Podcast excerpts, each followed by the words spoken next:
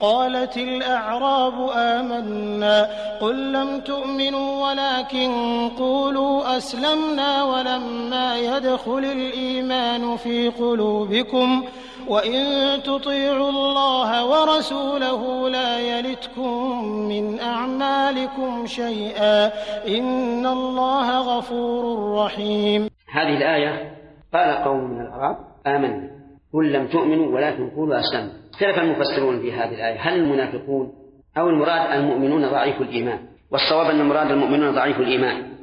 ولهذا قال ولما يدخل الإيمان في قلوبكم يعني وهو قريب من أن يلج فيها ويستقر الصواب أنها في غير المنافقين وأنها في قوم ضعفاء الإيمان فقال الله تعالى قل لم تؤمنوا أي لم يصل الإيمان إلى قلوبكم ولكن قولوا أسلمنا أي عملنا بالإسلام ظاهرا ولما يدخل الإيمان في قلوبكم يعني أنه قريب ولهذا قال الله تعالى بل لما يذوقوا عذاب أي لم يذوقوه ولكنه قريب منه وإن تطيعوا الله ورسوله يعني إذا أتيتم بشيء من الطاعة